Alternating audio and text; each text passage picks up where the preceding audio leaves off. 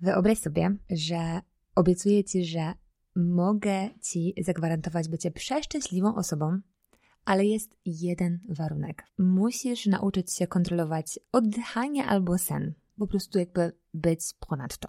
Także mm, ty decydujesz, kiedy masz na to ochotę i oddychasz, śpisz, a kiedy ochoty nie masz. I wtedy po prostu się od tego odcinasz. I właśnie o tym będzie dzisiejszy odcinek z serii Wolna. Tylko ten oddech czy sen podmieniamy na jedzenie.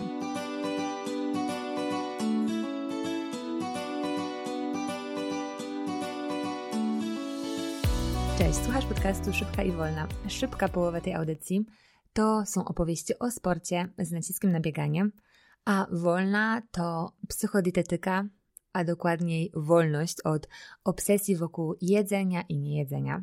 Będę też w przyszłości naciągać oba te określenia, żeby zawinąć do innych tematów, które mogą Cię zainteresować, ale ciąg dalszy dopiero nastąpi. A ja jestem Natalia Ligenza, mm, po wywrotce życia do góry nogami i przeprowadzce do Stanów zostałam psychodietetykiem, a niedługo też ukonoruję moją 17-letnią miłość do biegania mm, certyfikatem trenera. Poza tym zajmuję się pisaniem. Z moją siostrą Dagą y, tworzę copy i content writerski duet, w ramach którego dobieramy słowa dla marek osobistych. I obie to kochamy miłością wielką i odwieczną i od kiedy pamiętam bo na tym chyba polega odwieczność. Jeśli chcesz się ze mną lepiej poznać, to odpal sobie kiedyś przy okazji odcinek zerowy, a teraz przechodzę do dzisiaj. I skoro nadaję ze Stanów, to powinnam chyba zacząć dzisiejszy odcinek od Cześć, jestem Natalia i przez kilkanaście lat, bo nie pamiętam dokładnie ile, byłam bulimiczką. Opowiem dzisiaj tę historię, chociaż pewnie według niektórych powinnam ją zakopać gdzieś głęboko pod ziemię.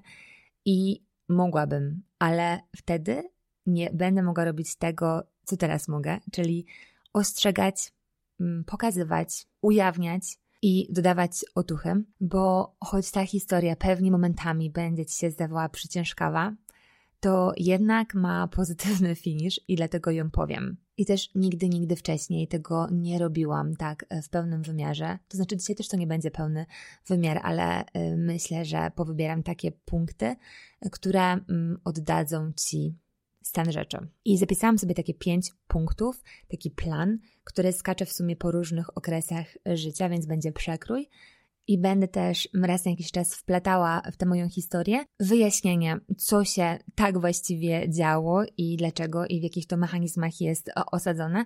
Także już czuję, że e, brzmię tak oschle i w sumie jestem już mocno e, zesensowana do tego, ale mm, myślę, że to będzie dla mnie wyzwanie, żeby to dzisiaj nagrać, ale chcę. Chcę. I jeśli to nie wybrzmi gdzieś po drodze, to mówię już teraz, że byłam pewna, że już nigdy nie znormalnieję, bo to, że nie jestem normalna, cokolwiek by to nie miało znaczyć, było dla mnie pewne. Natomiast nie rozumiałam, co się tak naprawdę ze mną dzieje. I zawsze miałam setki planów, przypisywałam je z zeszytu do zeszytu, a gdy przychodziło co do czego, to nie starczało mi energii na popychanie tego do przodu. Popychałam może jakiś mały ułamek. I o ironio, wiecznie byłam w ruchu, a jednocześnie stałam w miejscu, Mijały lata, ta moja obsesja przybierała nowe formy, ale była ze mną praktycznie cały czas, raz cicha, raz głośna. Mm, no i ona na dodatek również rosła. I to było moje alterego. To działało tak i działa to u wielu innych osób podobnie, że niby często byłam szczęśliwa, mnóstwo się działo, mm, wiele rzeczy się udawało, ale pod spodem praktycznie codziennie i tak mm, w tajemnicy, bo nikomu się do tego nie przyznawałam, wyłoziły ze mnie moje jakieś demony. I to było czasami tak, jakbym traciła czujność i cieszyłam się z czegoś, latałam pod sufitem, bo akurat byłam zakochana, bo zdarzyło się coś dobrego, jakiś sukces i zaraz potem e, czułam jakby takie pukanie w ramię, albo może raczej takie szarpnięcie za włosy i przypominało mi się, że nie, że moja rzeczywistość jest inna, że ja jestem przecież niewystarczająco dobra i niewystarczająco zdyscyplinowana, że muszę się starać bardziej, mm, że mam cel i że muszę zachowywać się nieco inaczej niż reszta, bo muszę schudnąć. I ja wiem. Ciekawa jestem, czy w ogóle kiedykolwiek zdarzyło Ci się otrzeć o ten temat, bo mm, jeżeli nie, to on może brzmieć dla Ciebie beznadziejnie płytko, prawda? Bo muszę schudnąć. No błagam, e, ile osób codziennie to powtarza? Jak często się o tym papla gdzieś między znajomymi, mm, na basenie, w knajpce, e, zamawiając coś, mm, nie wiem, albo po czy tam przed deserem, no to jest nudna klasyka. Coś totalnie oklepanego. I może nawet jest to próżne, mm, ale to są jakby różne historie. Czasami, tak obiektywnie rzecz biorąc, chociaż to nigdy nie jest do końca obiektywne, mm, te takie muszę schudnąć to jest kaprys, a nie jakaś tam zdrowotna potrzeba. Mm, I często to jest tylko jakaś taka ochota na mini lifting, na bycie bardziej coś tam i mniej coś tam. I to jest właśnie podpucha, bo jest sobie pełno dziewczyn, bo jednak zwykle to są one, mm, które mówią, ach, muszę schudnąć. Mm, I często na mówieniu się kończy. Potem jest taka kolejna grupa, która mówi i robi. Raz się udaje, raz nie. Wiadomo, jak to w tych wszystkich dietach jest. Więc próbują na setki sposobów, mądrych, durnych, jakby nie oceniam. Znam ten temat od podszewki totalnie. Ale jest jeszcze taka trzecia grupa, mały procent, ale mocny, Mm, i robi skalę. Mm, I tam są obsesje. Zaburzenia odżywiania, takie kliniczne albo stany im bliskie. Mm, I to wciąż zwykle z zewnątrz brzmi tak samo, bo brzmi muszę schudnąć, a często też już te osoby nie mówią tak publicznie, nie chcą. Ale nawet jeśli nie chcą i nie mówią, to ciągle o tym myślą i nie da się przestać. A przynajmniej wydaje się, że nie da się przestać, bo to jest tak silne. Z bulimiczkami jest jeszcze tak, że one się zlewają z otoczeniem. Bo tak, wyglądają zwyczajnie, zazwyczaj nie są wychudzone, mm, nie przypominają w ogóle bohaterki z filmu, które, które ma odstraszać od diet. Więc wygląda niepozornie, na dodatek jest y, często mistrzynią w kłamstwach, lawirowaniu, jakichś unikach i mam takie wrażenie poparte doświadczeniem, że najlepiej bulimiczkę potrafi włapać inna bulimiczka. I parokrotnie to zrobiłam, zawsze były zaskoczone. Ta moja historia będzie dziś mocno osobista i robię to z intencją, bo chcę to powtarzać, chcę otwierać oczy, bo jest taki moment, kiedy jeszcze łatwo można zawrócić. A potem jest taki, gdy temat już wciągnął jak bagno aż po szyję i ledwie daje się radę oddychać. I teraz pomyśl sobie, że robisz ten eksperyment z początku tego odcinka i dawkujesz sobie oddychanie, czy tam wydzielasz w porcjach sen. No i jak się możesz czuć? O ile w ogóle to byłoby wykonalne, tak? Czy w ogóle masz prawo mieć wtedy energię, jakąś przestrzeń na nowe rzeczy, na coś, co wymaga jakiejś wytrwałości, na dopinanie swoich celów? Nie ma na to kompletnie miejsca, to jest niemożliwe. I zamiast tego wraca się ciągle do punktu wyjścia albo gorzej. I się chce, ale to jest tak jakby była taka lina i ona się naciąga i naciąga i naciąga, kiedy próbujemy coś zmienić, a potem z powrotem przypomina, gdzie jest to nasze miejsce, nasze, to znaczy osób, które cierpią na, na zaburzenia odżywiania. Dobra, ale dość takich ogólnych opisywanych, bo już czuję, że tutaj płynę. Mm, będzie mi dosyć ciężko nagrać ten odcinek, wiem. Postaram się bez mm, skakania po różnych wątkach. Ok, przechodzę już do tych pięciu punktów, które sobie zapisałam i nawet nadałam im tytuły.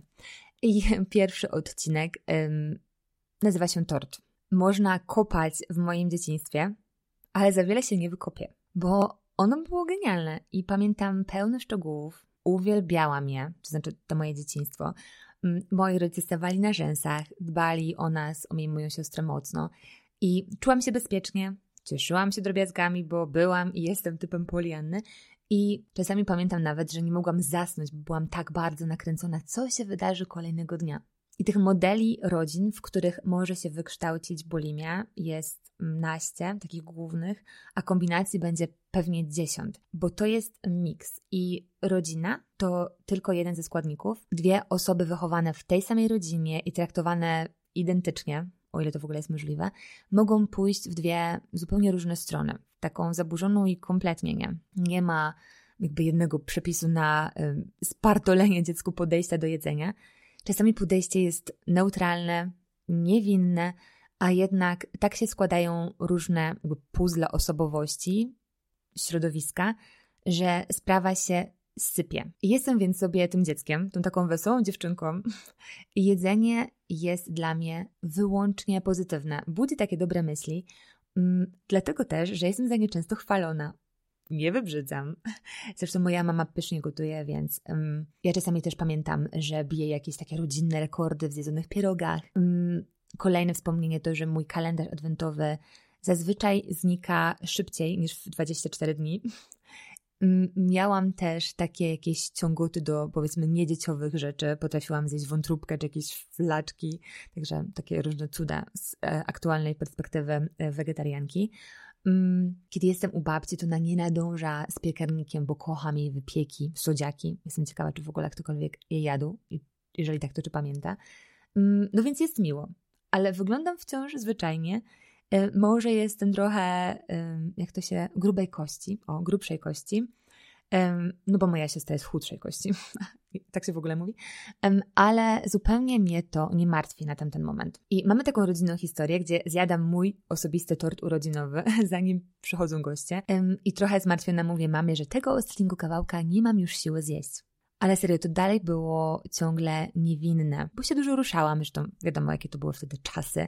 Dzieci cały czas naginały na dworze. Więc nawet nie wchodzę w to takie bycie dziewczynką z nadwagą. W sumie nigdy jej nie miałam ale okazało się, że to w ogóle było nieistotne mm, w tych całych moich mm, zaburzeniach. Jest coś, co ma na pewno znaczenie, czyli to, że od zawsze uwielbiam skrajności. Jakby to jest, to się dzieje dalej. Byłam tak, że kocham, nienawidzę, wszystko, nic, y, czarne, białe, więc to ma znaczenie. To jest taki czynnik osobowościowy, który sprawia, że mogą się wykształcić takie dosyć reżimowe zachowania odnośnie jedzenia. I druga rzecz, no to było to, że ja pochłaniałam książki jak jakaś maniaczka i pamiętam, że od dawna, dawna miałam tak, że nie mogłam się pogodzić z tym, że życie jest jakby dużo bardziej zwyczajne. Czułam taki kontrast. Chociaż tak jak mówię, byłam zadowolona z tego, co się wokół mnie działo, ale chciałam czegoś takiego wow, chciałam tych przygód, jakichś zwrotów akcji. I moja głowa mi w tym pomagała, bo ja miałam zawsze taką totalnie rozbujałą um, wyobraźnię. Więc to miało znaczenie. A trzecia rzecz to taki jakiś wrodzony gen rywalizacji. I chciałam osiągnąć, chciałam coś udowadniać sobie, innym. I jakby z zewnątrz myślę, że nawet nie było tego widać. Myślę, że zdawałam się być zupełnie neutralnie nastawioną osobą, zwykłą dziewczynką, miłą, grzeczną, myślę, że dobrą, wrażliwą i tyle. Ale okazało się, że było jeszcze drugie dno. Część druga to skakanka. I teraz mamy skok i podstawówkę.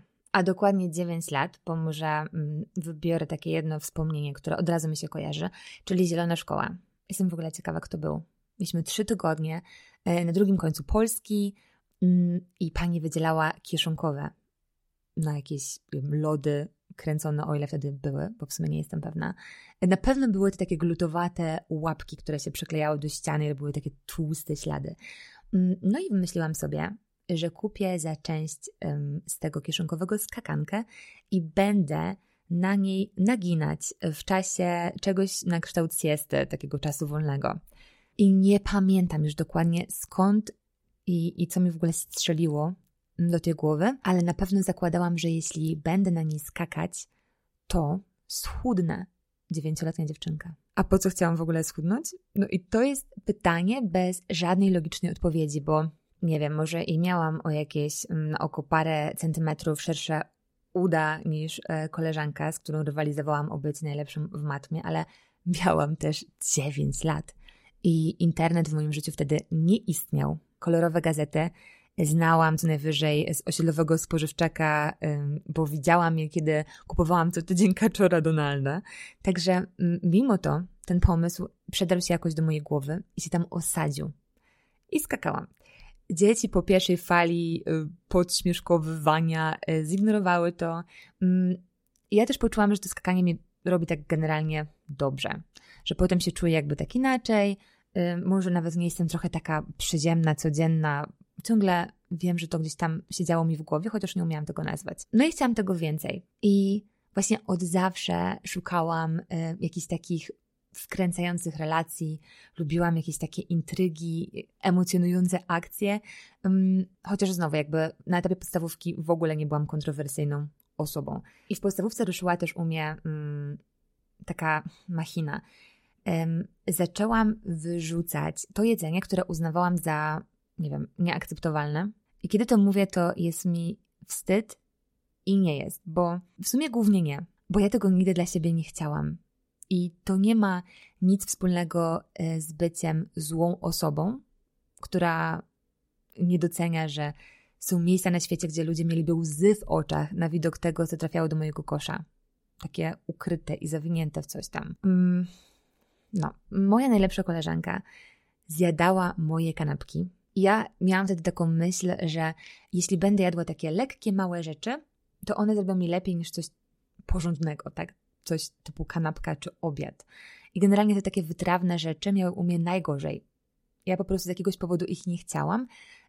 Za to słodkie było dla mnie ok, chociaż już gdzieś tam mi świtała świadomość, że jeżeli będę jadła tego zbyt dużo, no to pewnie wpadnę w jakieś nieokreślone kłopoty. Ale generalnie wolałam e, siebie z czymś małym i słodkim niż czymś dużym i słonym. Tak po prostu. Pamiętam, jak mama uszyła mi taką sukienkę z wielkimi kieszeniami i bujałam się gdzieś tam po osiedlu, e, mając w nich zawsze słoneczniki i gumy do rzucia. I wygadywałam wtedy już jakieś takie pierwsze teorie odnośnie e, zdrowego jedzenia. I mm, to jest ten moment, kiedy mam trochę ciarki, bo ja wciąż mówię tutaj o rejonach podstawówki. Maks może początek gimnazjum trochę mi się to wszystko zaciera. Ale to było zdecydowanie za wcześnie. I mm, już wtedy uwielbiałam naginać wszędzie piechotą. I to pewnie już wyczytałam u kuzynki, która e, miała dostęp do Bravo Girl i cały pokój, wiecie, w tych plakatach, e, gdzie jakaś para całuje się obowiązkowo przy zachodzie słońce nad morzem. Mm, I pamiętam taką krótką notkę o piosenkarzu, bo chyba piosenkarzem albo aktorem, e, Peter Andre nie wiem, czy to nie była taka gwiazdka jednego filmu czy jednej piosenki. W każdym razie mówił, że codziennie robi 100 brzuszków i 100 pompek. Chociaż w sumie teraz nie dałabym sobie niczego uciąć za to, że te pompki to faktycznie było 100. Nie wiem, ale z jakiegoś powodu to było dla mnie taką wskazówką. Choć nie sądzę, że chciałam wyglądać jak ten przypakowany gość, który zawsze na rozkładówce Brawo był bez koszulki, ale z jakiegoś powodu zapadło mi to mm, w pamięć. I ten sport wtedy już gdzieś tam się przebijał, bo lubiłam rywalizację w takich grach. Nie wiem, na przykład y, zawsze czułam taką satysfakcję, jeżeli zostałam na boisku ostatnia, jak graliśmy w dwa ognie, albo jak pobiegłam gdzieś tam najszybciej na 60 metrów, lubiłam się ścigać. No i tak samo miałam w nauce, że zawsze czułam taki przypływ satysfakcji, kiedy pierwsza machnęłam jakiś sprawdzian, jak dostałam gdzieś najwięcej punktów, generalnie to było takie coś, co mnie nakręcało. Nie te paski i tak dalej, tylko taka świadomość, że szybciej albo że więcej, tego typu historie. Mm, I to jest ta rzecz, która wrzuca właśnie mnie w grupę osób z ryzykiem zaburzeń. Takie szukanie uznania przez dokonania, przez pokazywanie własnej siły. No i to też wynika ze strachu przed odrzuceniem i oczywiście z obniżonego mm, poczucia własnej wartości. I też taką narracją w głowie na zasadzie, że muszę być taka i taka, żeby mnie lubili. No i znowu, jakby ta wyobraźnia robiła swoje, bo ja praktycznie nie miałam epizodów, które by mi sugerowały, że jestem gdzieś nielubiana czy niechciana. I nawet nie usłyszałam nigdy, nie kojarzę, żebym usłyszała choćby pół komentarza odnośnie, nie wiem, mojego zbyt grubego ciała, czy coś w tym guście, a przecież dzieciaki potrafią być okrutne, prawda? Ale nie miałam nic takiego. Po prostu wszystko się działo i się działo w mojej głowie, ja byłam tego tak mocno pewna, że nawet nikt nie mógłby mi przetłumaczyć, bo oczywiście już wtedy rzucałam tego typu hasła i zawsze y, moi rodzice reagowali. I gdzieś po drodze zapisywałam kolejne kalendarze. Ciekawa jestem, czy ktoś pamięta kalendarz szalonego małolata? Kalendarz małolata, pamiętnik małolata, coś w tym guście. W każdym razie miałam ich parę, dalej je mam. Nawet całkiem niedawno moi rodzice je gdzieś tam wykopali z piwnicy i tak sobie je przekartkowałam. Zapisane są ciurkiem i takie różne historie przyjazno, życiowo, miłosne są tam przeplatane kaloriami, które już umiałam dobrze liczyć dzięki tabelce z gazetki.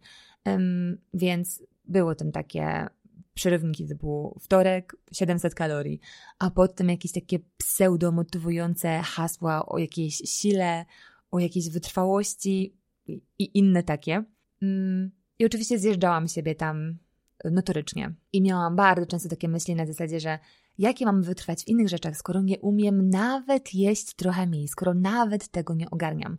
I to jest właśnie klasyka, że mm, w zaburzeniach widzi się, że mm, nie potrafi się żyć według jakichś wymyślonych przez siebie wyżułowanych standardów, ale do głowy nie przychodzi wniosek pod tytułem te standardy są pojechane, tylko e, coś w stylu jestem beznadziejna. No i oczywiście gruba, tak? Tu rysuję cudzysłów. Ok, to teraz część trzecia, bo myślę, że już starczy tej drugiej, to jest liceum. I jedyne słowo, jakie mi przychodzi do głowy, to jest mocniej. Ech, w liceum totalnie mi się przewraca w głowie. Po prostu jadę typowym stereotypem grzecznej dziewczynki, która się zbuntowała po czubek głowy i Oczywiście wtedy tego nie widzę, tak? E, nie widzę, jakie to jest nieoryginalne, tylko mam poczucie, że nareszcie, nareszcie moje życie jest całkiem filmowe, czy tam książkowe. E, główny wątek to oczywiście drama. Robię się zadziorą. Przeginam często. Wiem, po prostu słyszę, jak coś mówię i wiem, że przeginam, ale ja to widzę jakby tak z boku i pamiętam, jak wielokrotnie robiłam coś i wiedziałam, że to jakby zupełnie nie jestem dawna ja, ani nawet prawdziwa ja i wiedziałam, że inni będą zbulwersowani albo już nawet kogoś skrzywdzę być może, ale tak mnie to mocno wciągnęło mm, i dało mi to takie poczucie intensywności, że po prostu szłam w to. Ale jednocześnie nie byłam aż tak zbuntowana, żeby zupełnie porzucić temat e, szkoły i wyników, ta rywalizacja w nauce została, ale miałam takie dwa w jednym, czyli udawałam, że mi nie zależy, ale jednocześnie gdzieś tam zawsze zrobiłam swoje, e, więc e, skończyłam liceum z paskiem i marną oceną zachowania. I to jedzenie i niejedzenie totalnie się to rozkręca. Wszystko oczywiście pod płaszczykiem zdrowego odżywiania, które już, już gdzieś tam się przedzierało do takich obgadywanych w przerwie tematów.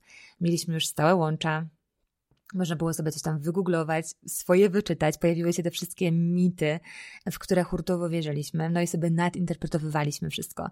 I nie dość, że mocno już kontrolowałam jedzenie i unikałam, ukrywałam, udawałam, to jeszcze wpadłam w taki sportowy wir. Totalnie się wkręciłam. Ciągle chciałam się ruszać. Y, czasami zamiast na przykład jechać na prywatny angielski, to cisnęłam gdzieś przed siebie na rowerze, teraz nie mówię tego z dumą, jaką dumą, ale znowu tak to działa. Zaburzone i takie niedokarmione organizmy, umysły są irracjonalne i myśli koniec końców zawsze będą się sprowadzać do jedzenia i tego, co z tym związane. Jakość dnia zawsze wtedy zależy od tego, jak poszło. Dzień był dobry albo stracony, skreślony. I będąc na deficycie, po prostu nie da się nie myśleć o jedzeniu. To jest mechanizm obronny. I u mnie to się działo ciągle równolegle, jakby miała rozdwojenie. I to jest znowu takie uczucie, że czasem wszystko się pięknie układa, zdaje się być na miejscu, jest przyjemnie, płynie się wręcz nad ulicami, jest taka harmonia i wtedy nagle taki huk i zjazd, bo się przypomina, że ma się ten sekret, to coś, czego nikt nie widzi. Mm, I tu nawet nie chodziło o jakąś konkretną wagę, bo ja nawet nie miałam czegoś takiego. Nie było takiego momentu, po którym bym uznała, że to już. To jest tylko taka przykrywka do, przykrywka dla chęci kontrolowania czegoś. I też, I też przyzwyczajenie to działa potem już nawykowo. I niejedzenie daje przyjemność. I to w ogóle działa tak, że na początku wjeżdża mocno głód, skręca, robi się słabo i tak dalej, ale kiedy się przez to przejdzie, to tak jakby się przepinało na inny program. I ostrzegam, bo to samo dzieje się w głodówkach. Um, trzeba przecierpieć, nawet, nawet tak to jest tłumaczone, tak, że na początku organizm pozbywa się na przykład jakichś toksyn, a potem jest odlot. Um, I mi się to mocno kojarzy um, ze śmiercią termiczną, z takim skrajnym wychłodzeniem, z tym, co się wtedy dzieje, że na początku ciało się o coś upomina, jest mocny dyskomfort, a potem, kiedy już tego nie dostaje, to się poddaje i wyłącza niektóre rzeczy i włącza takie znieczulenie w postaci e, powiedzmy, że dobrego nastroju. I teraz mi się jeszcze pomyślało, że to samo dzieje się też mm, z takim powiedzmy paromiesięcznym maluszkiem, który płacze w nocy, żeby do niego przyjść. A jeżeli nikt tego nie robi, to to dziecko płacze mniej i mniej, um, aż w końcu już tylko leży z tymi otwartymi oczkami i już, już nawet nie krzyczę, bo wie, że i tak nikt nie przyjdzie. Okay, bo ja się tutaj zaraz spłaczę. Um, także tak to się dzieje z tym głodem. Potem już się uczy to tak źle brzmi, ale potem już się to odczuwa w inny sposób. Zupełnie się rozreguluje w ogóle ośrodek głodu i sytości, te hormony świrują. No i też organizm nigdy nie wie, czego się może spodziewać, tak? Więc ciężko tu mówić w ogóle o tym, żeby odczuwać, kiedy faktycznie jest się głodnym, no bo próbuje się przejąć nad tym e, kontrolę. Także w liceum odkrywam sport totalnie, do tego imprezy, poczucie wolności, wszystkie te gorące emocje, konflikty, nieporozumienia, e, codziennie jak w serialu, po prostu szaleństwo. I to jest właśnie ten czas, kiedy te moje zaburzone myśli się scalają ze sportem. Mm, I że tak naturalnie go uwielbiam, to korzystam jak mogę. Ja w ogóle przeplatam czas teraźniejszy i przeszły, ale nieważne. Mm, niech będzie, że ten odcinek będzie chaotyczny, bo właśnie tak się czuje osoba będąca w czymś w tym guście. No i ten sport dał mi też taką nadzieję, bo przecież wiem, że jeżeli dużo trenuję, no to też najpewniej schudnę, tak? Mm, czytam już wtedy te głupie gazetki, gdzie y, dziewczynom podczas podskoków się nawet nie rusza kucyk. Y, I oczywiście sobie tłumaczę, że ja się tylko inspiruję, bo mnie kręci zdrowe odżywianie. Tak. Mm, zaczynam robić mnóstwo kroków w ciągu dnia. Wszędzie popylam piechotą. Gdybym wybijała wtedy zegarek, to jestem pewna, że to byłyby jakieś kosmiczne ilości. Rzucam sobie też takie wyzwania wtedy na zasadzie, że jeżeli chcę sobie kupić batonik korny, który uważam wtedy, uwaga, za zdrowy posiłek, to nie mogę go sobie wziąć, kupić go w osiedlowym markecie, tylko potrzebuję sobie na niego zasłużyć i pójść na drugi koniec miasta do Tesco. I tak chodziłam. I potem dosłownie z nieba spadł mi karnet e, od mojego tatuśka na basen miejski i w pakiecie była też siłownia, taka typowa pakernia. To były jeszcze te czasy, że gdy dziewczyna wchodzi na salę, to wszystkie spojrzenia na nią, czego wiadomo nie lubiłam, ale chciałam ćwiczyć i efekty przyszły szybko. Miałam kratę na brzuchu, który oczywiście traktowałam jako dowód mojej siły. Tak, teraz ta siła ma dla mnie zupełnie inny wymiar. Mm, zaczęłam też treningi z chłopakami na długiej przerwie. E, potem miałam epizod w klubie lekkoatletycznym, i wpadłam w coś takiego, że z treningu biegowego leciałam na lodowisko, a tam z kolei potrafiłam jeździć nawet 3 godziny ciurkiem y, i na dodatek ciągle w jedną stronę, bo tak właśnie na naszym lodowisku było, więc ja do dzisiaj nie potrafię zrobić przyplatanki w drugą stronę. Mm, I co więcej, często po takich łyżwach szłam do domu piechotą, a to był kawał drogi i odpalałam sobie jeszcze, mm, jeżeli starczyło się, takie wideo, bardzo cenne wideo, miałam taką płytkę y, i na nim taki trening taki ala aerobik. I naprawdę nie zliczę, ile razy robiłam ten zestaw, znałam go totalnie na pamięć. I też szybko zobaczyłam, że choć często nie dawałam rady, to znowu cudzysłów, nie byłam silna z jedzeniem, tam nie jedzeniem, to w sporcie mi idzie zacnie. To znaczy, lubiłam i umiałam długo wytrzymywać. I pływałam na przykład po dwie godziny ciurkiem, robiłam brzuszki nawet w środku nocy, czasami gdzieś na jakichś wyjazdach czy imprezach, znowu jakby tam, chociaż starałam się robić to w tajemnicy, to czasami ktoś mnie przyłapał i mm, trochę ze mnie zbijał. Mm, był na przykład taki obóz sportowy, dwa tygodnie w skałach, aktywnie od rana do późnej nocy, mm, może nie do późnej nocy, ale do późnego wieczora. I postanowiłam e, ten obóz maksymalnie wykorzystać, a moja definicja wtedy była mocno zaburzona, czyli głodowałam. Znalazłam wtedy sposoby, żeby nikt się nie zorientował, no bo wiadomo, że w domu nie było to jednak takie proste, bo jeszcze mieszkałam z rodzicami. I miałam te swoje sposoby, w sumie od lat je miałam, ale teraz jakby one mogły w 100% hulać. I mm, po całym dniu ruchu często mieliśmy jeszcze jakieś ognisko, a ja regularnie zwijałam się stamtąd, mówiłam, że coś tam, coś tam muszę zrobić, nie wiem, i biegałam po lesie, w ogóle po ciemku, byle tylko się pozbyć tego takiego niesmaku, który czułam, kiedy zjadłam według mojej definicji za dużo, a naprawdę podczas tego obozu za dużo. To było praktycznie nic. Wtedy też znalazłam taki sposób, który, no znowu, może dla niektórych brzmieć słabo, ale prosiłam, żeby ktoś mi czytał etykietę miałam taką koleżankę w pokoju, która jadła um, chipsy i inne takie rzeczy. Um, I ja czasami byłam po prostu głodna, no bo naprawdę podczas tego dwóch tygodni jadłam prawie nic. No i prosiłam ją, żeby czytała mi skład tego czegoś, ja kiwałam głową, mówiłam okej, okay, okej, okay, okej, okay, dziękuję, jestem najedzona. I one tam komentowały coś w stylu, że jestem jakaś tam pokręcona i tak dalej, no ale oczywiście totalnie się tym nie przejmowałam. Pamiętam też mm, taką książkę Uczta o północy. I ona została napisana na pewno ku przestrodze. To była opowieść o dwóch dziewczynach, które miały anoreksję. Mm, I dostałam tę książkę w prezencie, i ja już będąc w tym, w czym byłam, zupełnie na opak ją zinterpretowałam. Ona zamiast mnie przerazić, mimo że na końcu główna bohaterka umiera, to w jakiś sposób mnie zainspirowała, i to jest przerażające. I nawet nie wiem, co mogę teraz powiedzieć, żeby ostrzec mm, mamy młodych dziewczyn. To jest trudne, bo często ten kontakt się wtedy rozjeżdża albo robi się taki nie do końca szczery, bo nastolatki myślą, że po prostu wiedzą lepiej. Mm, ale to się dzieje i wtedy dostęp do takich pseudo-inspiracji był bardzo ograniczony. A teraz, myśląc o mediach generalnie o social media, albo o internecie, albo o gazetach. Mm, naprawdę ciężko musi być nastolatką, która wpada w taki sposób rozumowania, jak wpadłam ja. Dodam, że ja nigdy też nie miałam takich bardzo mocnych napadów na wiele tysięcy kalorii. Takie dwa, trzy, mm, one się zdarzały, ale raczej nie więcej. I mój organizm totalnie rozpracował.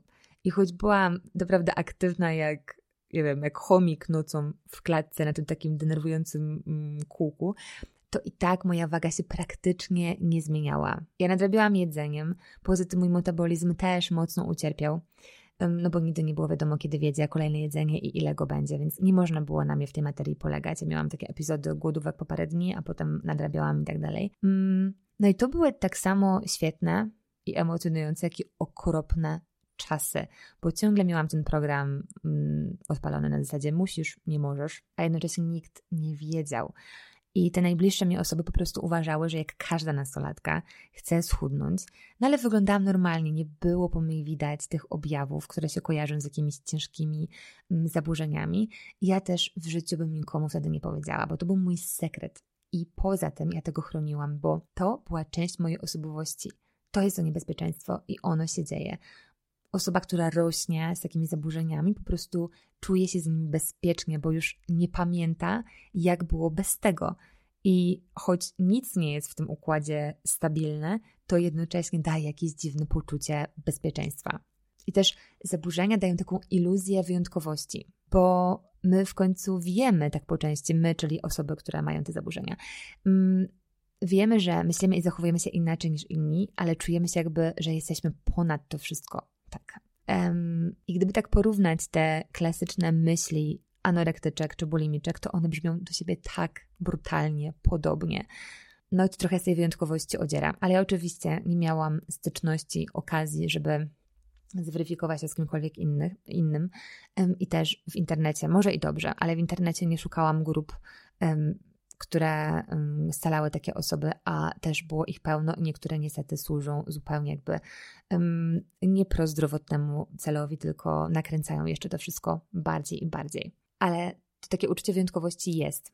I jakby podkreślam, że nie myśli się wtedy racjonalnie, bo niedobory energii są normą, a bez nich ciężko się skupić. To znaczy, bez energii ciężko się skupić i ciężko widzieć świat takim, jaki on naprawdę jest ciężko jest odetchnąć, ciężko jest spać. Czasami nie mogłam zasnąć, bo marzyłam już o śniadaniu.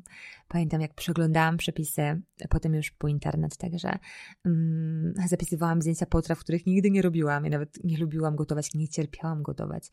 Um, I oglądanie tego wszystkiego dawało mi takie poczucie, jakbym była trochę bardziej najedzona. I ta pętla u mnie to zupełna klasyka.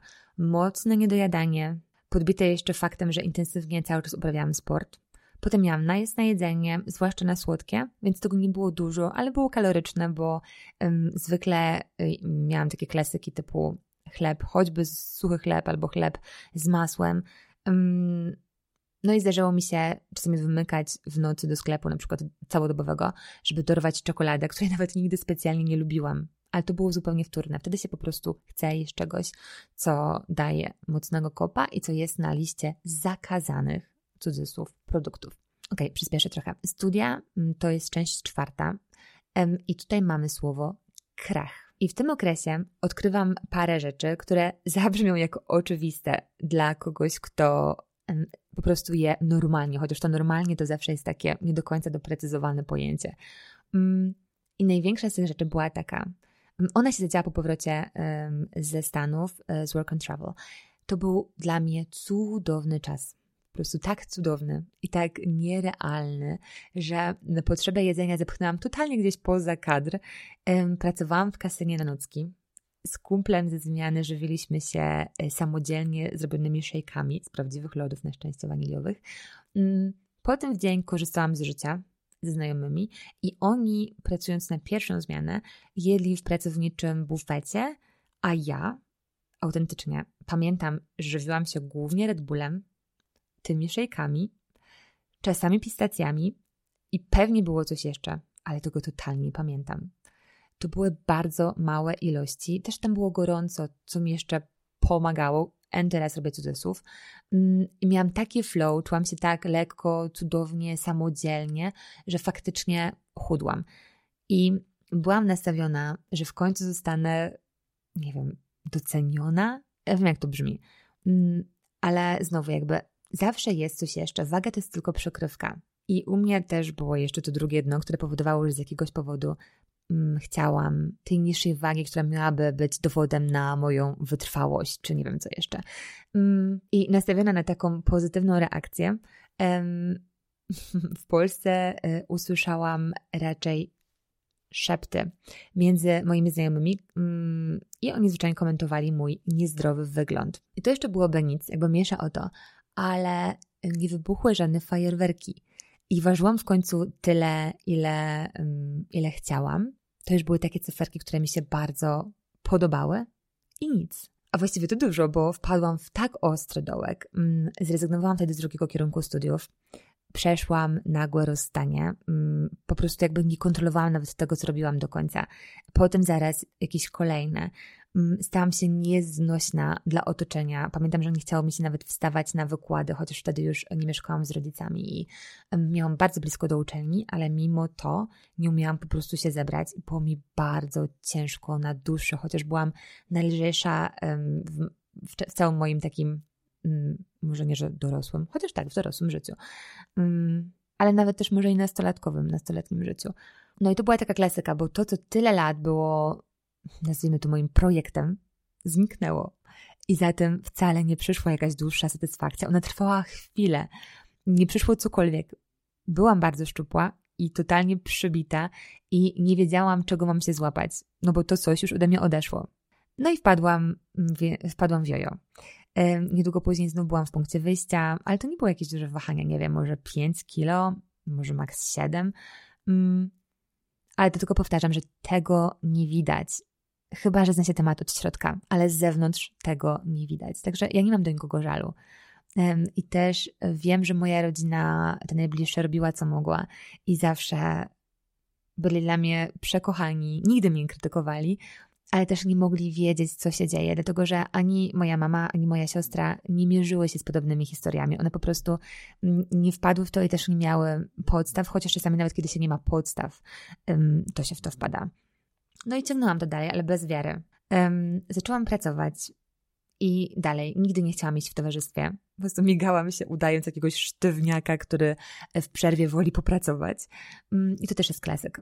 Mm, zaburzenia zachęcają, żeby karmić innych.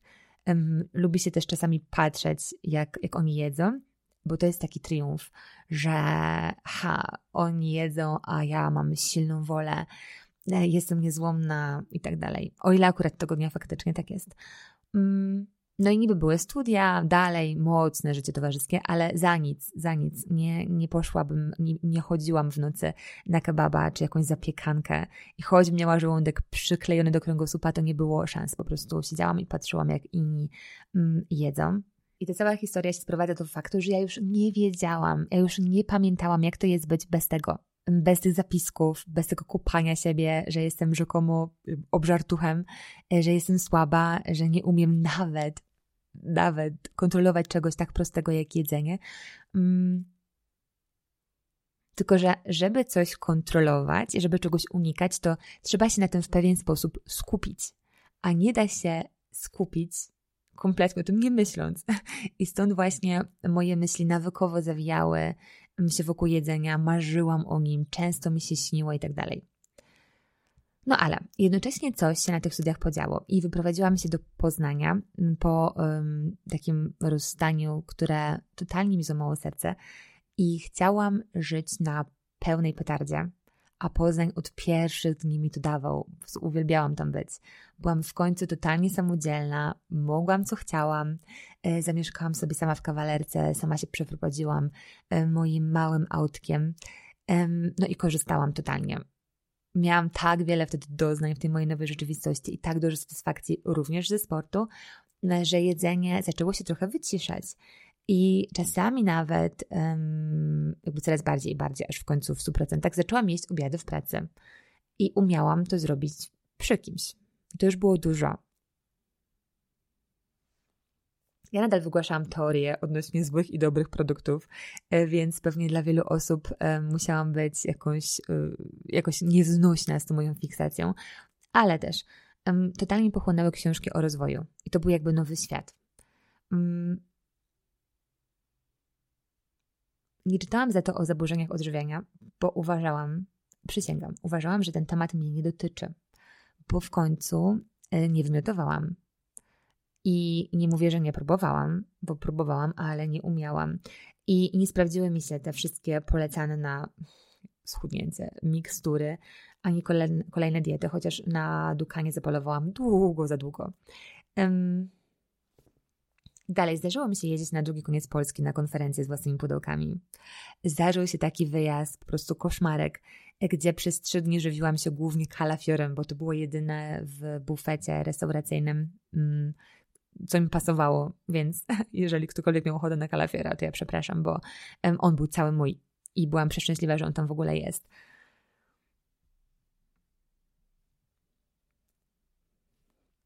No i to jest kosmos z perspektywy czasu. Ale będąc w środku, nie widzi się innego wyjścia, więc trzeba po prostu cisnąć i szukać patentów. No i moim patentem cały czas był sport. rekompensowałam te swoje pseudo-grzeszki aktywnością na poziomie naprawdę zaawansowanego ADHD. no i dalej, pora nie miała znaczenia. Mój stan ducha nie miał znaczenia. Siedziałam po trzy godziny na siłowni. Ludzie przychodzili, zmieniali się, tam ciągle byłam, jak po prostu ktoś z obsługi. No, wspinałam się wtedy intensywnie efekty były prawie żadne. Ja ciągle szukałam rozwiązania, mając nadzieję na nie, ale nic takiego się nie wydarzyło. Po prostu byłam przemęczona sportem. Nie byłam też w stanie obejrzeć żadnego filmu do końca. To jest takie bardzo charakterystyczne. Zasypiałam błyskawicznie, po prostu nie mogłam się na tym skoncentrować, bo kiedy nie byłam w ruchu, kiedy dawałam sobie taki moment, żeby tylko usiąść, to automatycznie mnie odcinało. Więc ja byłam zmęczona i jednocześnie nakręcona. I ten film zawsze był takim momentem, że koniec, nie było mnie. Teraz kolejna rzecz. Nie zawsze wykończenie tym wszystkim będzie odczuwalne tak samo. U mnie to była taka raczej huśtawka, bo sport mi dawał dużo endorfin. Mm, i przez te zbyt krótkie okienka na regenerację um, dużą robotę u mnie robił kortyzol. Ja po prostu większość czasu czułam się właśnie taka nienaturalnie nakręcona i pobudzona. I z zewnątrz um, najpewniej nikt by nie powiedział, że coś jest na rzeczy, bo ja podobywałam pełno pomysłów. Um, często słyszałam, że jadę na jakiejś energii kosmicznej. Właśnie często były te teksty ADHD i tak dalej. No to niespodzianka.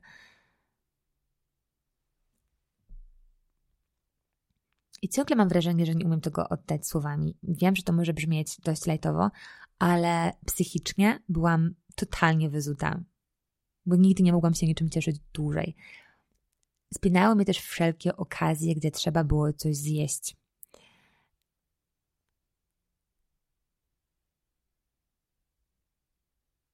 I co jeszcze pamiętam? Nie lubiłam komplementów i nie umiałam ich przyjmować, bo miałam takie coś w głowie, że oni, ci inni, komplementujący, nie widzą sytuacji dobrze. Czujesz to? To taki pokręcony mózg i zaburzone myślenie dają właśnie takie poczucie, że to nie my widzimy wszystko w krzywym zwierciadle, tylko inni. Ja autentycznie czułam, że widzę wszystko ostrzej. No, paranoja. Więc choć zaczęłam jeść um, i troszeczkę wyluzowałam w tym temacie, to mm, wylądowałam w takim ciemnym miejscu, gdzie chcąc mieć kontrolę, zupełnie ją straciłam. I wychodziłam biegać o każdej porze. Noc nie była żadnym problemem, pogoda też nie. Mm, Latałam na siłownię całodobową. Chciałam też namierzyć taki basen, ale się nie udało. Ale właśnie, zaczęło się dziać jednocześnie to, że nawkładałam sobie do głowy coraz więcej książek o rozwoju. Poznawałam ludzi, którzy widzieli świat kompletnie inaczej. Nagle poznałam takich, którzy kochali sport, ale nie mieli na jego punkcie, przepraszam, ale pierdolca. I nie używali go jako rekompensaty, tylko cieszyli się tym. No a wiele moich treningów miało niewiele wspólnego z radością, bo to było zajeżdżanie się do granic. I zaczęłam wtedy czytać o psychologii, szczęściu, nastawieniu, o osiąganiu, wartościach, projektowaniu życia, um, osobowości, pewności siebie, myślach, emocjach. To wszystko um, układało mi się powoli w głowie. Um,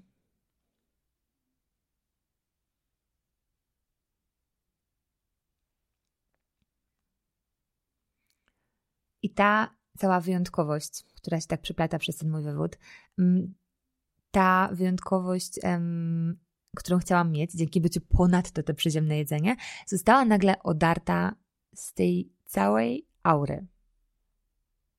I okazało się, że to wszystko już ma uzasadnienie, że gdzieś tam wokół są ludzie, którzy działają identycznie jak ja. I mm, poznałam chłopaka, który miał podobnie jak ja, ale z hazardem.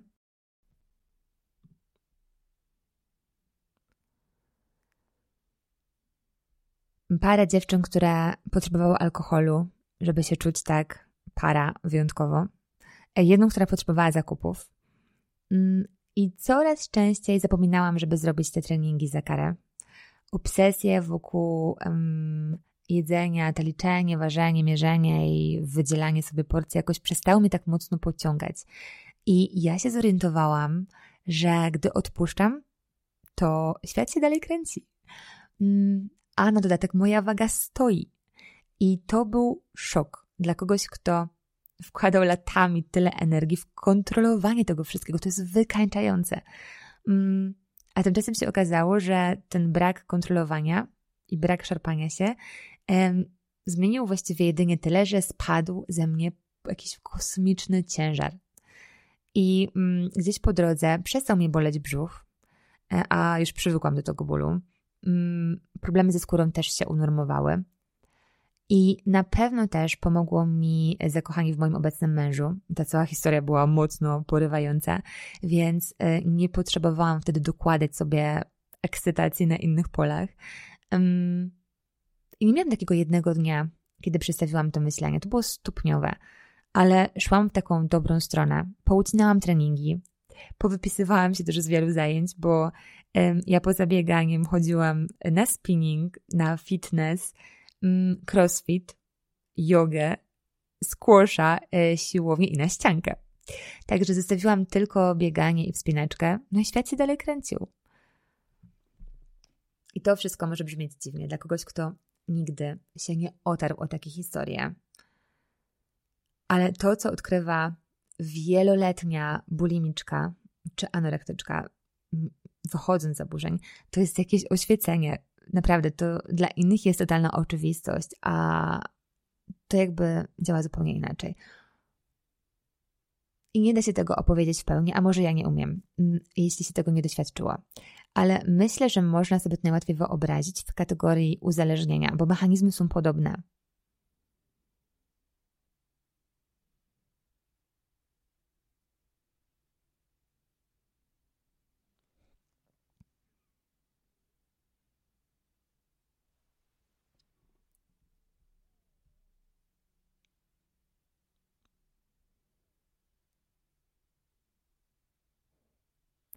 O, a jeszcze mi się przypomniało, to było też, mm, nie chcę mówić, że ciekawe, ale takie znamienne, że mm, ciągle miałam pełno tych planów, ale i tak przepisywałam i może wierzchołek z tego realizowałam. I to był też ten czas, że choć e, kochałam pisać, bo zawsze kochałam, to nie miałam na to w ogóle zasobów. I e, zaliczyłam najdłuższą przerwę um, ever, zanim zaczęłam właśnie zdrowieć. Przestałam nawet pisać dziennik, kiedy właśnie byłam w tym apogeum, więc e, mam taką wyrwę we wspomnieniach.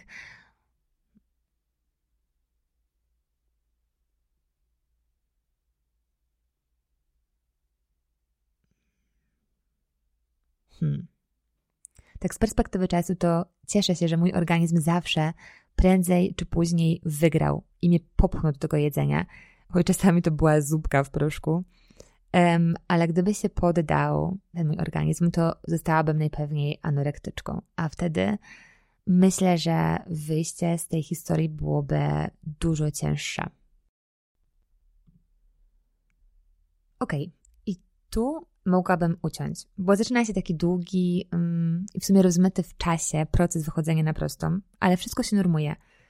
I ja robię kolejne kroki, okazuje się właśnie, że umiem jeść coś przy ludziach. To było tak stopniowo, na początku sałatka, potem coś większego, na przykład normalny obiad.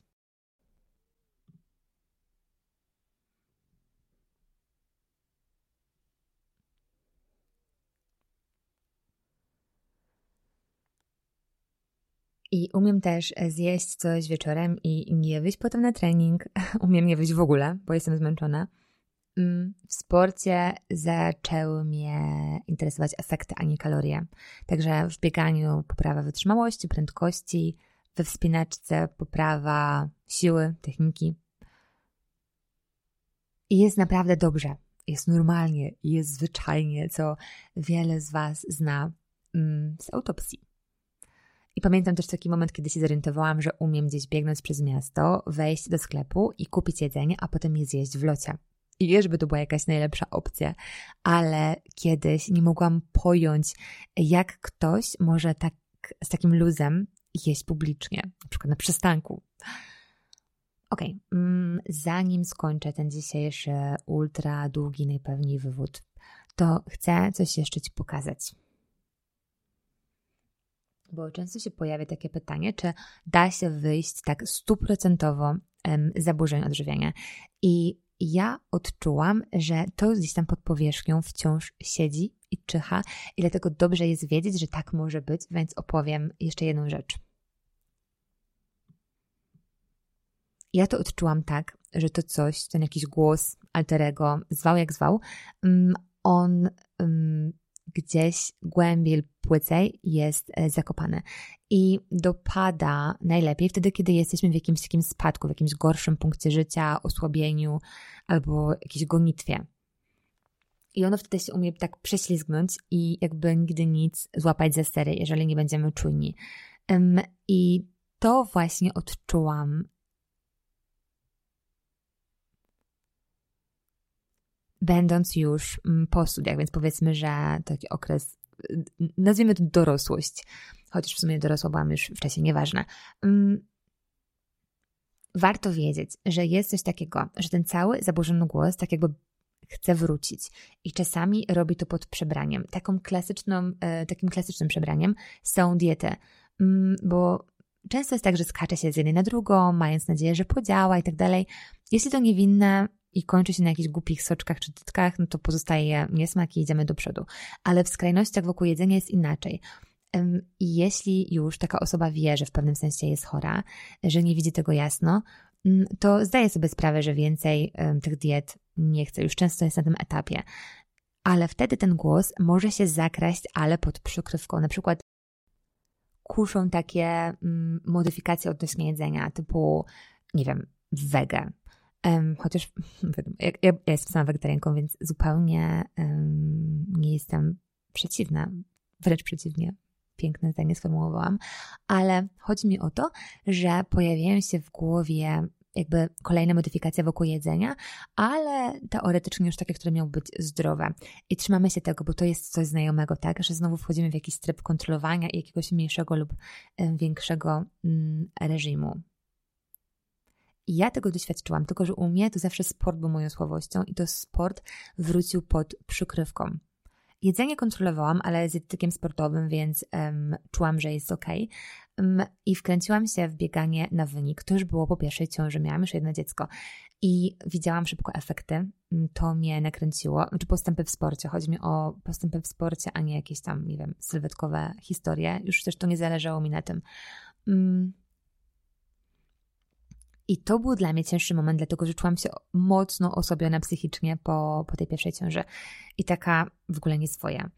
Um, więc zaczęłam znowu kontrolować jedzenie, zaczęłam jeść z zegarkiem, ale naprawdę zdrowo i wszystko było zbilansowane. Tylko co z tego? Zaczęłam trenować po coraz dłuższe imprezy. W ciągu roku um, przebiegłam pierwszy maraton, a zaraz potem chciałam go poprawić i poprawiłam go o 12 minut. Potem trenowałam pod 3.15 i wszystkie treningi już rokowały, że się uda. tylko, że miałam już dziecko. Miałam klasyczną hajnitkę. Po nocach nie spałam. Pracowałam na pełen etat, wracałam do domu o 18, wstawałam na basen o 6 albo na bieganie. Biegałam często o 22 i później, nawet kiedyś wyszłam o pierwszej. Mm, I wydawało mi się, że totalnie nie czuję zmęczenia, że ja schakowałam system, że ja nie potrzebuję tyle snu. I mój cykl e, okołodobowy, mój cykl dobowy był zupełnie sfiksowany. On już nie miał prawa wiedzieć, kiedy jest dzień, a kiedy noc. Mm, no i oczywiście kortyzol pompowany wraz z treningiem robił mi zupełne zamieszanie. I to wszystko jest ze sobą połączone. Znowu mi wróciły te jakieś dziwne bóle brzucha. Gastrolog nic nie widział w wynikach, w badaniach, więc nie miał pomysłu, co z tym zrobić. Mm, a hormony mi się dosłownie um, zresetowały. I choć e, praktycznie całe życie miałam prawidłowy poziom tkanki tłuszczowej, to straciłam okres na ponad rok. I drugie dziecko, e, które tak naiwnie mi się zdawało być tylko kwestią decyzji i, nie wiem, wyboru dobrego momentu, mm, nagle okazało się być czymś, co mogło się po prostu nigdy nie wydarzyć. Biegałam po lekarzach, mm, endokrynolodzy rozkładali ręce, Zostałam w końcu zdiagnozowana jako osoba z przedwczesną menopauzą w wieku 30 lat. No i ja się po prostu zajechałam oficjalnie. I jedna historia, mm, już tak dobijając do końca. Miałam taki wieczór, kiedy już naprawdę pozbawiona jakichś większych złudzeń, poszłam do już niestety świętej pamięci profesora Dębskiego, który był bardzo znany w świecie ginekologii i położnictwa. Mm, odczekałam swoje, na tę wizytę zapłaciłam swoje mm, i kiedy już przyszłam, to on odwrócony do mnie tyłem, przeglądał te moje papiery z tymi wyzerowanymi hormonami i potem podszedł do mnie, wziął mnie za rękę i powiedział, że to jest kwestia mojej psychiki i że to siedzi w mojej głowie, że ja to tak naprawdę wiem. I to był koniec wizyty. I moja pierwsza reakcja to taki szok, a może nawet trochę nerw, na zasadzie, że naprawdę, no a gdzie jest jakaś, nie wiem, terapia, klinika, hormony, jakiś zabieg i mm, pamiętam jak wyszłam stamtąd, taka zamyślona i ominęłam pierwszą stację metra, potem kolejną, jeszcze tam ileś i y, kojarzę, że było zimno, to była zresztą zima. Mm, i przy którejś z kolei stacji, przy tym znaczku mm, stacji metra, się rozpłakałam jak w jakimś filmie, na środku ulicy, na środku jakiegoś trawnika, bo nagle do mnie dotarło, że ja sobie to znowu zrobiłam. I że tylko zmodyfikowałam to, co robiłam tyle lat. I że okej, okay, może już umiałam zjeść lunch przy innych, um, może wyszłam czasem z kimś na jakieś sushi czy piwo i potem, nie wiem, nie biegłam do domu na szpilkach, a wcześniej notorycznie wracałam z takich wyjść i imprez biegiem, żeby jak najwięcej spalić, tak? Mm. Tego już nie robiłam, ale przywaliłam sobie sportem.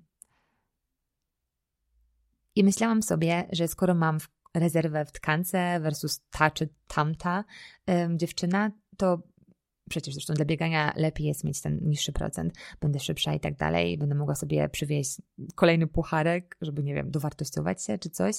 Mm. I właśnie po tej najkrótszej w życiu wizycie lekarskiej zrobiłam zakręt. Kupiłam książkę o równowadze hormonalnej. Wszystko mi się zaczęło kleić. Zmieniłam dietę, dodałam tam więcej zdrowego tłuszczu, pamiętam, e, jak się wyczerpały baterie w wadze kuchennej i nie włożyłam nowych. To było takie symboliczne dla mnie. Mm. No i nie będę się już tutaj rozwodzić. Zresztą rozwodzę się już naprawdę w tym, w tym odcinku maksymalnie. ale choć usłyszałam, że prawdopodobnie nie będę mogła już mieć dzieci przy takich wynikach, mm, to wszystko zaczęło wracać do normy. I to były takie dziwne i mocne, i pewnie zna to każda osoba, która marzyła o dziecku, a to nagle zrobiło się a wykonalne, a potem jednak się udało. Mm, I tak właśnie też było u mnie, bo mam moje bliźniaki. To jest dla mnie naprawdę podwójnie wyjątkowe po tych wszystkich przejściach i załamkach.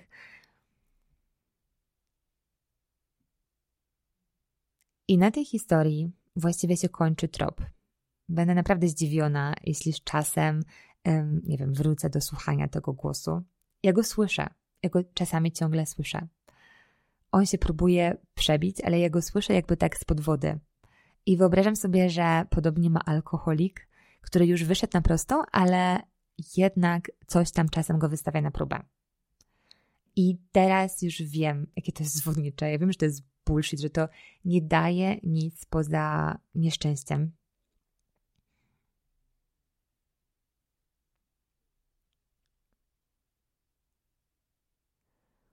I przychodzi mi do głowy, że to jest jak ten taki typ niegrzecznego chłopca w klasie, który teoretycznie przyciąga mnóstwo dziewczyn i one nim piszą i rozmyślają um, i idą za nim, choć wiedzą tak naprawdę w głębiej lub płycej, bardziej lub mniej, że to się nie uda i że on, ten chłopiec, nie jest uosobieniem tego szczęścia, czymkolwiek ono by miało nie być.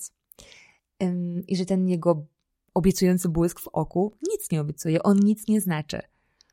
I że my nie jesteśmy wyjątkowe, tak za nim łażąc, bo to się dzieje hurtowo, tak? Jesteśmy jedną z wielu.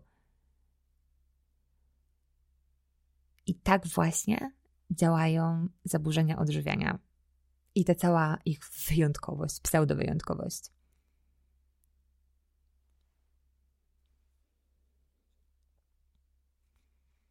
I tutaj chyba postawię kropkę na dziś, bo już mam głowę naprawdę zupełnie gorącą od tej opowieści, którą po raz pierwszy spróbowałam jakoś sklecić w całość. Jeśli słucha mnie ktoś, kto stoi blisko tej cienkiej granicy, to powiem już tylko tyle, że tak, jesteś wyjątkowa, ale nie zorientujesz się dlaczego, jeśli będziesz całą siebie pakować w takie złudne kontrolowanie jedzenia bo w tym koncepcie jest tyle samo logiki, co w tym z początku odcinka, gdzie obiecuję gwarancję szczęścia w zamian za przejęcie pełnej kontroli nad oddychaniem. Jeżeli czuję, że ten odcinek jest o tobie, to wyobraź sobie, że ja o tym wiem że ja cię rozumiem i że ci obiecuję, że w porównaniu z tym, co masz teraz, to ja dosłownie leżę na plaży. Że jest spokojnie, że jest zwyczajnie, że jest przyjemnie, a ty w tym czasie czujesz się najpewniej tak, jakbyś była na jakimś totalnie popieprzonym oceanie, gdzie co chwilę przykrywa ci głowę, a nie musi tak być. I skoro jedzenie jest trochę jak powietrze, to spada ogromny ciężar, kiedy zaczyna się je traktować tak po prostu, jakby ono było już, tak, tak neutralnie.